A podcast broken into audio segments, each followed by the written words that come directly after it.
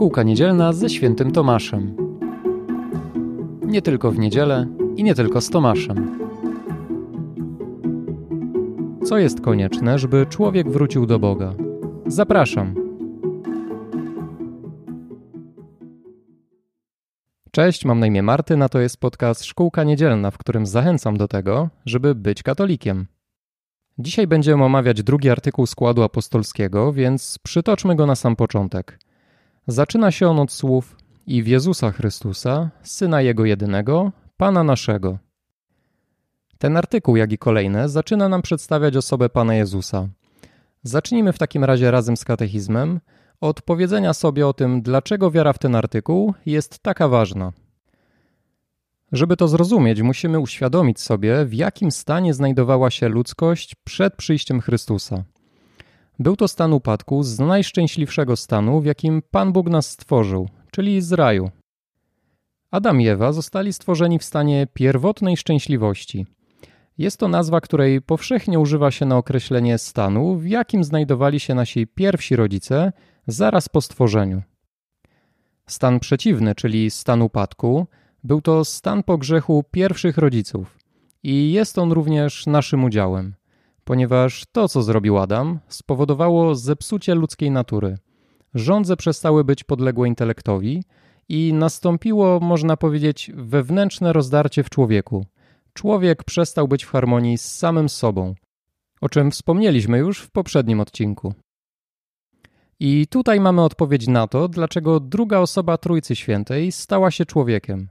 Żadną mocą, żadnym nawet największym chceniem czy pragnieniem bycia dobrym nie mogliśmy wrócić do stanu harmonii z Bogiem. Dlatego właśnie było konieczne, żeby Syn Boży przyjął ludzką naturę, czyli po prostu stał się człowiekiem i przyjął nasze słabości. Gdyby ktoś był zainteresowany tym, co utraciliśmy, czyli czym były dary, które posiadaliśmy w raju, to polecam przeczytać krótki artykuł na mojej stronie, do którego link znajdzie się w opisie odcinka. Wróćmy zatem do omawiania artykułu. Powiedzieliśmy już, dlaczego wiara w ten artykuł jest ważna. Następnie katechizm uczy nas, że wiara w to, że Jezus Chrystus jest naszą drogą powrotu do Boga, była i jest konieczna do zbawienia. Święty Augustyn ujmuje to bardzo dobrze w słowach: Bóg stworzył nas bez nas, ale nie może zbawić nas bez nas. I właśnie tę prawdę Pan Bóg pokazywał też ludziom od samego początku. Już zaraz po grzechu Pan Bóg daje ludziom nadzieję w słowach, które możemy przeczytać w Księdze Rodzaju, w trzecim rozdziale i piętnastym wersecie. Ta sama prawda była później powtarzana przez Boga Abrahamowi, gdy ten wypełnił wolę Bożą, a następnie Jakubowi. Pewnie kojarzymy tę historię. Jakub ma sen o drabinie, a w tym śnie Bóg powtarza Jakubowi obietnicę, którą złożył Abrahamowi, a z której rozumiemy, jak nas uczy katechizm, że to z potomstwa Abrahama będzie właśnie ten, który przyniesie ludziom zbawienie. Także prorocy starotestamentalni przypominali ludziom, że przyjdzie Zbawiciel, a przypominali im po to, żeby ci cały czas go oczekiwali. Między innymi Izajasz prorokuje o kimś, kto będzie odrzucony, będzie cierpiał i zostanie zabity za grzeszników. W dalszej części powiemy o tym, jak w Jezusie spełniły się te zapowiedzi. Używamy imienia Jezus, ale co ono oznacza i jak powinniśmy je rozumieć? Na samym początku katechizm przypomina, że imię Jezus, które oznacza Zbawiciel, nie zostało nadane z przypadku, czy też dlatego, że rodzice tak postanowili, ale było nadane z woli Pana Boga. Możemy o tym przeczytać na samym początku Ewangelii według świętego Łukasza, w scenie zwiastowania. Nie była to jedyna sytuacja, w której Pan Bóg wyraził swoją wolę, ale powtórzył ją też w śnie, który miał święty Józef. Na samym końcu tego snu czytamy o uzasadnieniu, czyli nazwaniu Pana Jezusa tym imieniem, ze względu na to, że zbawi lud od swoich grzechów. Można się tutaj zastanowić, dlaczego imię Jezus nie przynależało tylko naszemu Zbawicielowi. Bo przecież żyli i pewnie będą jeszcze żyć ludzie, którzy będą mieć tak samo na imię, albo ich imię będzie tłumaczyło się jako zbawienie. Jedną z takich osób był następca Mojżesza, który wprowadził Izraelitów do ziemi obiecanej, a którego imię tłumaczy się jako zbawienie.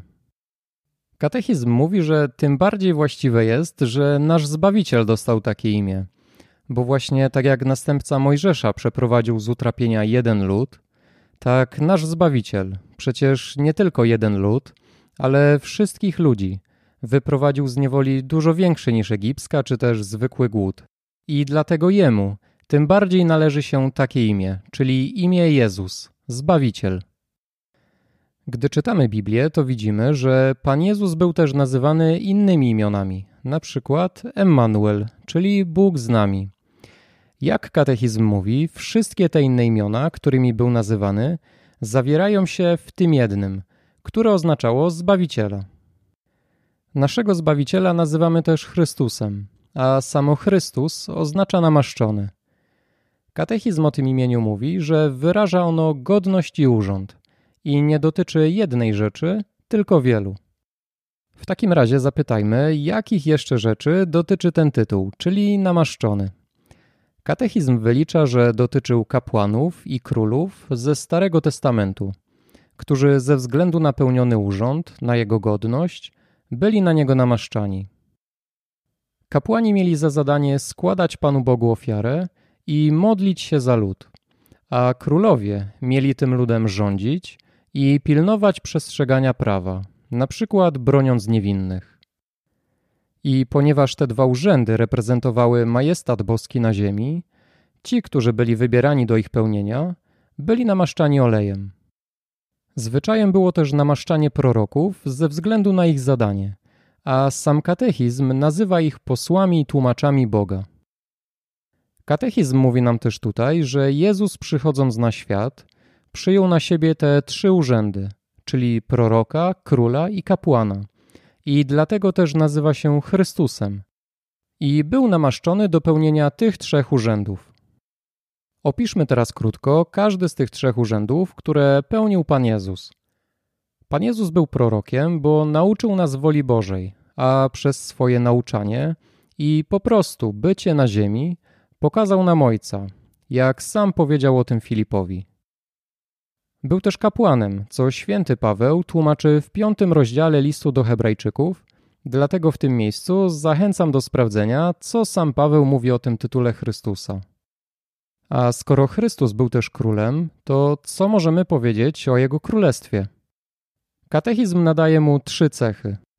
Mówi, że to królestwo jest duchowe, wiekuiste, rozpoczyna się na ziemi, a kończy w niebie. Ten urząd, czyli swój urząd królewski, Chrystus sprawuje w naszym kościele. Rządzi nami, broni przed szatanem i daje nam siłę i moc w wytrwaniu. Powiedzmy sobie znowu trochę o synostwie Jezusa Chrystusa i o tym, co z niego wynika. Katechizm w tym miejscu przypomina nam znowu o tym, że syn jest prawdziwym Bogiem, tak samo jak ojciec, który go zrodził, i że pomiędzy osobami boskimi jest całkowita równość, jeśli chodzi o wolę i moc.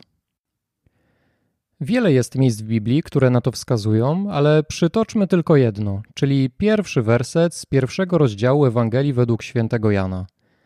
Na początku było Słowo, a Słowo było u Boga i Bogiem było Słowo.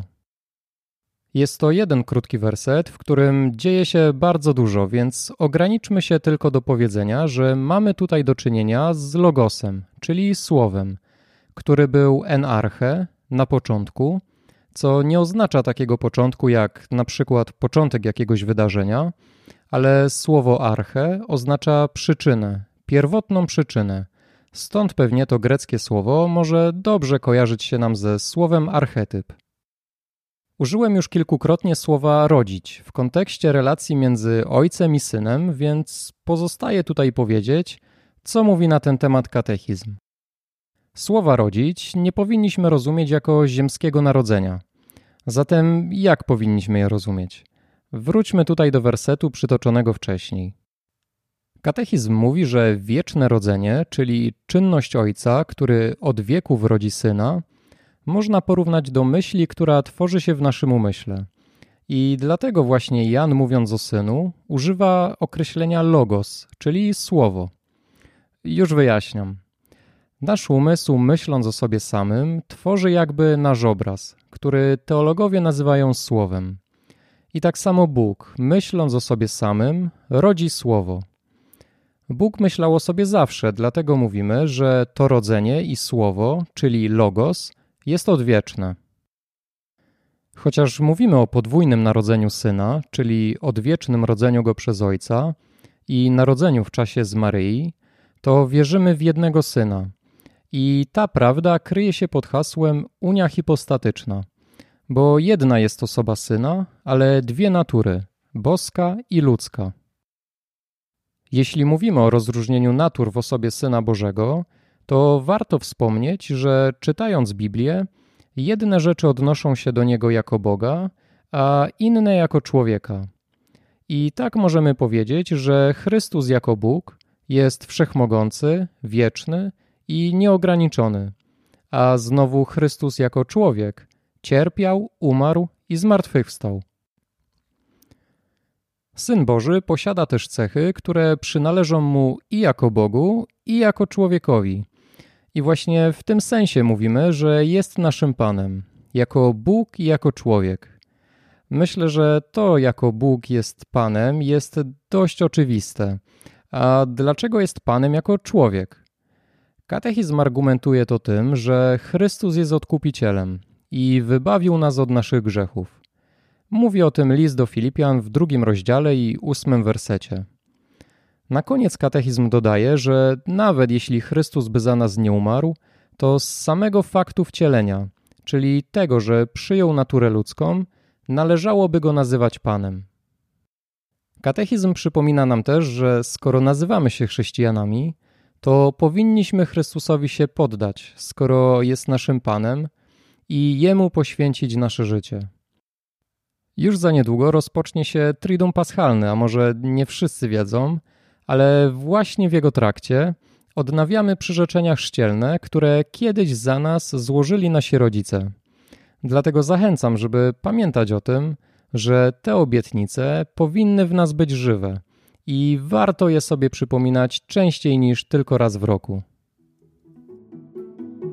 Na dzisiaj to już wszystko. Zachęcam do polubienia strony na Facebooku i subskrypcji kanału na YouTubie, tak żeby i do innych mogły dotrzeć katolickie treści. Na dzisiaj to już koniec. Cześć!